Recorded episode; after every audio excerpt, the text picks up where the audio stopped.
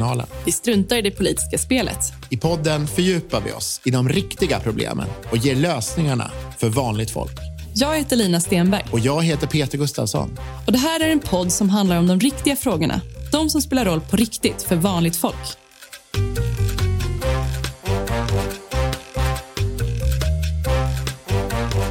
Hej och välkommen tillbaka till ett nytt avsnitt av Folkkanalen.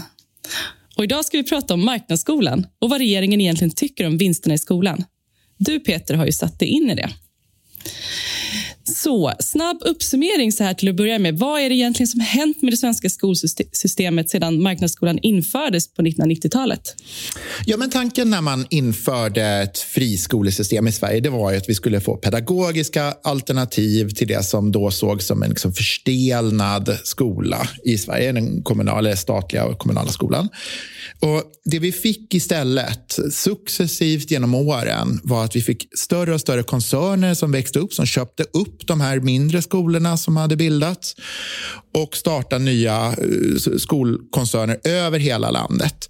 Och Sverige blev världsledande på det här och vi är exportörer av det här idag. Vi har ju liksom flera internationella kedjor som har Sverige som sin bas och som liksom driver skolor i, i andra länder.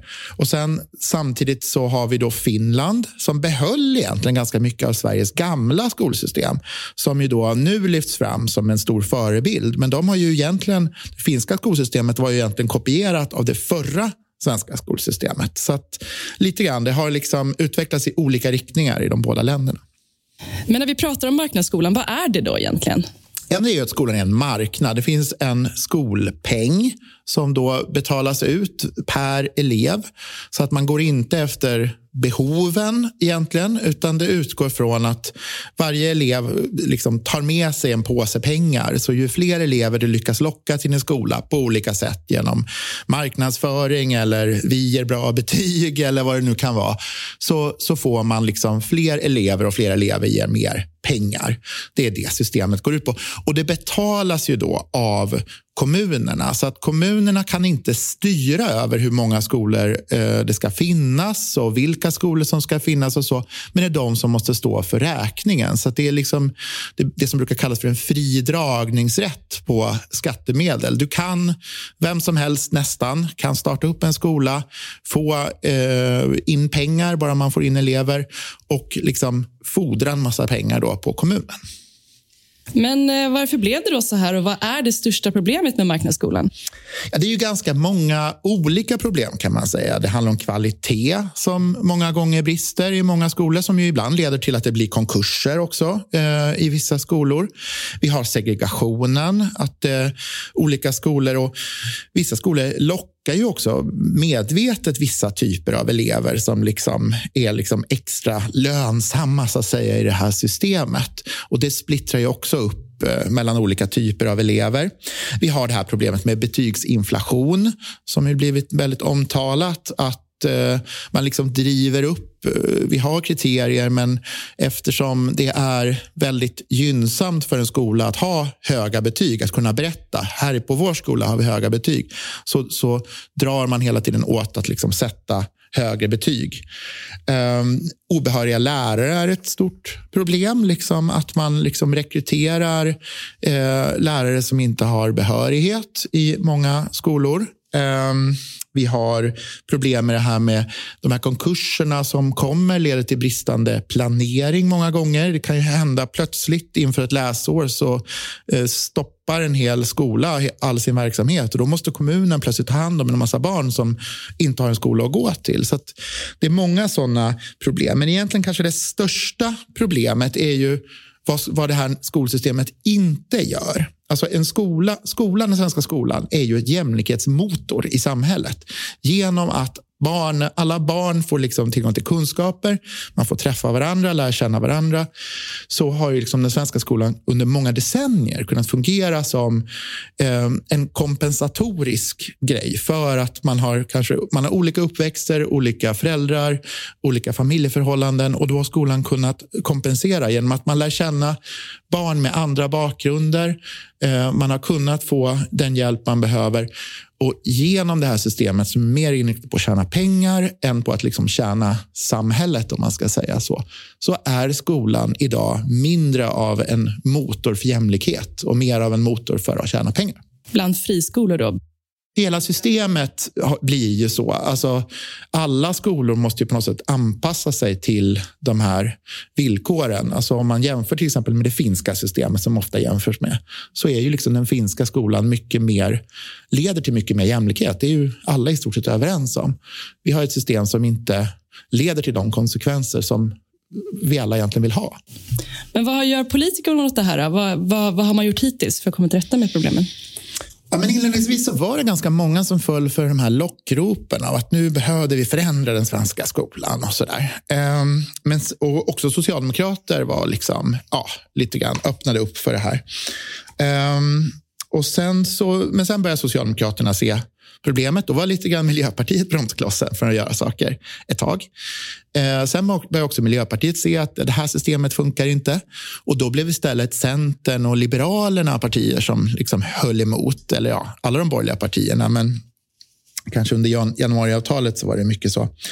Ehm, Sverigedemokraterna var länge eh, tveksamma. De gillade inte marknadsskolan. Men sen blev de lobbade ganska aktivt på av de, här, de som tjänar pengar på vinsterna i välfärden. Så de har svängt i andra riktningen. Liksom.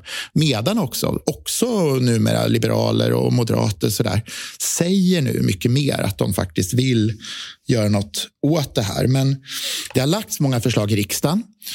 Eh, de har röstats ner konsekvent.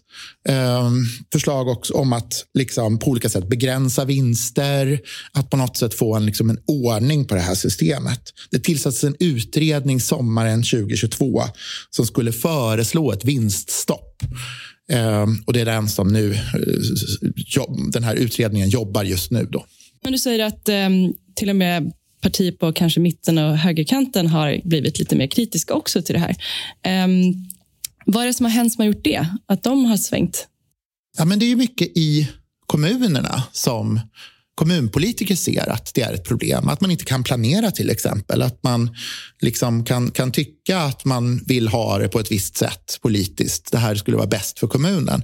Men så kommer en skola in from the blue liksom, som någon startar upp och som tar bort elever och då har man plötsligt inte pengar. Då måste man skära ner i den kommunala skolan och får det effekten då att fler elever försvinner kanske och så där. Så det här det är många eh, kommunpolitiker också på den borgerliga sidan som ser de här problemen och det är kanske därför också som också borgerliga partier börjar lite grann se att man kanske ska göra en del justeringar i det här eh, systemet. Liksom. Och nu har vi en eh, skolminister som heter Lotta Edholm. Eh, vem är det och vad har hon för roll i det här och varför, varför är hon vår skolminister? Ja, men hon är tidigare liberal politiker i Stockholm. Ehm, och hon har då, precis som alla andra, eller liksom många andra politiker på den kanten, sagt väldigt länge att liksom skolmarknaden är, är eh, bra. Hon, hon har sett till att den ska vara lönsam liksom, genom de beslut som hon har fattat. Hon har, och hon har sett till att skolorna tjänar stora vinster på små risker. Sådär. Och fram tills att hon blev utnämnd då i oktober 2022 så var hon delägare och styrelseledamot i Tellusgruppen. Och den, har då, den hette Hälsans förskola förut och den var då eh, utsatt för en skandal när Uppdrag granskning eh, upptäckte att barnen fick käka knäckebröd fast de lockade med att vi har minsann god och näringsrik mat och hälsa och sådär och rörelse på schemat. Ehm, men Hälsans förskola döpte om sig då till Tellusgruppen. Nu har de 27 förskolor och 7 grundskolor och har gått med 32 miljoner i vinst de senaste åren. Och där har hon då varit med och varit en av, en av de drivande. Just det, så det är en anledning till att hon är skolminister också, att hon har, har den bakgrunden. Det finns en koppling där, tänker du? Eller vad? Ja, alltså hon, hon har ju med sig den erfarenheten. Liksom. Hon är en tidigare eh, skol... Hon, hon har, har jobbat på skolmarknaden liksom, och tjänat pengar på den. Och Nu har ju Tellusgruppen varit i blåsväder i somras. Vad handlade det om? Jo, men det, det var flera granskningar som visade att Tellusgruppens vice vd har varit väldigt kontrollerande mot de anställda efter devisen då att, det här, och det här är ett citat då som, som finns i, i de granskningar som har gjort på det svenska dag, eller av eh, SVT och eh, ETC och så där, har gjort eh, reportage. Eh, vi gör allt för att få in barn. Barn är pengar, eh, ska hon ha sagt. Då. Eh, förskolepersonalen har då anlitats för för att ragga kunder, alltså förskolepersonal som ska ta hand om barn i förskolan. De har liksom sagt ni ska ge er ut i lokalsamhället och liksom ragga barn liksom, in till förskolan. Och eh, De har också hållit nere kostnaderna genom att ha sänkt innetemperaturen trots att barnen fryser. Men det kanske mest uppseendeväckande är att man har dragit ner på barnens portioner och satt lås på kylskåpen. Och Det har man då gjort både i Stockholm och Enköping enligt de här rapporterna. Så man har liksom lite grann satt fingrarna i samma syltburk som man gjorde 2014. Alltså, så att man drar ner på portionerna. Man sparar in på maten för att kunna tjäna pengar på att driva förskola. Och Det här skedde då så medan Lotta Edholm var delägare satt i styrelsen och gjorde konsultuppdrag åt de här företagen. Hmm, ja, det är ju väldigt tveksamt kan man tycka. Um, men nu säger skolministern att hon vill ha ett vinststopp. Ska man tro på det eller inte? Eller vad säger du? Ja, lyssnar man på henne så säger hon ju då att hon har liksom sett hur det här fungerar och nu vill hon städa upp. Så. De, de, har en sån retorik nu. Men om man tittar på vad hon faktiskt gör i praktiken så ser man en annan bild. Och det här jag tycker också med många journalister lite grann missar när man, när man granskar det här. Um, som sagt, det var ju, lades ju ett förslag i, under sommaren 2022 om att utreda ett vinststopp. Uh, det skulle alltså tas fram en ny lag. Och det, det har hon nu hon har alltså så att säga stoppat eh, vinststoppet. Liksom. Det var förra regeringen som, som, ja, förra regeringen föreslog, eh, alltså tillsatte en, en utredning som skulle ta fram en lag som skulle stoppa vinster i skolan. Eh, och Det är den då som i juli, alltså mitt i semestrarna, då presenterade Lotta Edholm hur då Tidöpartierna, de här fyra partierna som eh, står bakom regeringen, alltså regeringens parti plus SD, eh, och hur de vill hantera den här utredningen. Då. Och då så eh, det hon då gör är alltså att man istället så ska man ha istället för det här vinststoppet så ska vi göra mindre liksom just, alltså kosmetiska justeringar eh, om, om när man får ta ut vinster. Att man till exempel inte får göra det första åren eller man får inte göra det när det finns en allvarlig kritik från Skolinspektionen. Och Det är såklart att det är väl kanske bra, men det, det, gör ju ingenting åt grundproblemet i systemet som är att skolor finns till för vinst, inte för barnen. så att säga. Um, och Det var ju det som var själva poängen med utredningen. Att man skulle faktiskt ändra i grundsystemet. Men det är just det, trots att hon säger att man vill ändra i det, så tar man bort just det som faktiskt på riktigt skulle kunna förändra hur den svenska skolan, skolsystemet fungerar. Men vad ska man göra åt marknadsskolan då? Ja, alltså... Först, först skulle jag nog egentligen vilja säga någonting om, om liksom hur media och, och hur, hur, debatten lite grann har varit kring det här. För att, alltså man presenterade de här förslagen när eh, journalisterna hade semester. Och eh, då, många av de journalister som då eh, granskade såg inte igenom de här blå dunsterna. Så man fick väldigt mycket rubriker i somras på att liksom, eh, regeringen vill ha vinststopp och så vidare. Men det som man ju egentligen gjorde var ju att man skyddade skolföretagens investeringar. Alltså eh, skoligarkerna, som jag brukar kalla dem för, eh, de kommer kunna fortsätta tjäna grova pengar också med det system som då Lotta Edholm nu eh, tagit fram och som kommer att komma först om ett par år. Så det kommer klubbas ett nytt system som bara kommer innebära små kosmetiska förändringar. Ingen egentlig hel renovering. De pratar om att de ska liksom renovera systemet, men det blir ingen större förändring. Um, så det är liksom några snabba drag med sopskyffeln snarare än den här helrenoveringen som skulle behövas. det borde ju inte förvåna någon att det är så, men, men det är ju liksom det som har... Det är det de föreslår. Och det som skulle behöva göras då är just det? En, en hel renovering. Ja, absolut. Alltså, grundtanken är ju bra, men det är bara det att liksom, det var på gång en hel renovering som de nu stoppar. Uh, för det är liksom vinstintresset som måste bort. Alltså för Det skapar liksom osunda strukturer där eh, man kan liksom tjäna pengar på att hålla nere kostnader istället för att liksom, mm, göra bästa möjliga undervisning. Liksom, det borde vara det offentliga, det borde vara ideella aktörer, det borde vara liksom stiftelser och sådär, som, som, som inte är vinstdrivande. Det borde vara de som driver skola och som drivs av liksom ett pedagogiskt driv om att få driva skola. Det ska inte vara aktiebolag som ska driva skola. Och Det här är liksom ingen så här extrem kommunistisk åsikt utan det är så det funkar i, i större delen av världen, i nästan alla andra länder. Um, att liksom, Sverige är idag ett avskräckande exempel. Inte ens konservativa politiker i Storbritannien vill befatta sig med det svenska skolsystemet. De vågar inte införa något sånt för de inser hur extremt det faktiskt är. Chile har haft det, inför det under militärdiktatur men har liksom tagit eh, ta, har tagit ett antal steg för att göra om systemet och göra, liksom, få bort vinsterna för att de ser att det inte funkar. Liksom.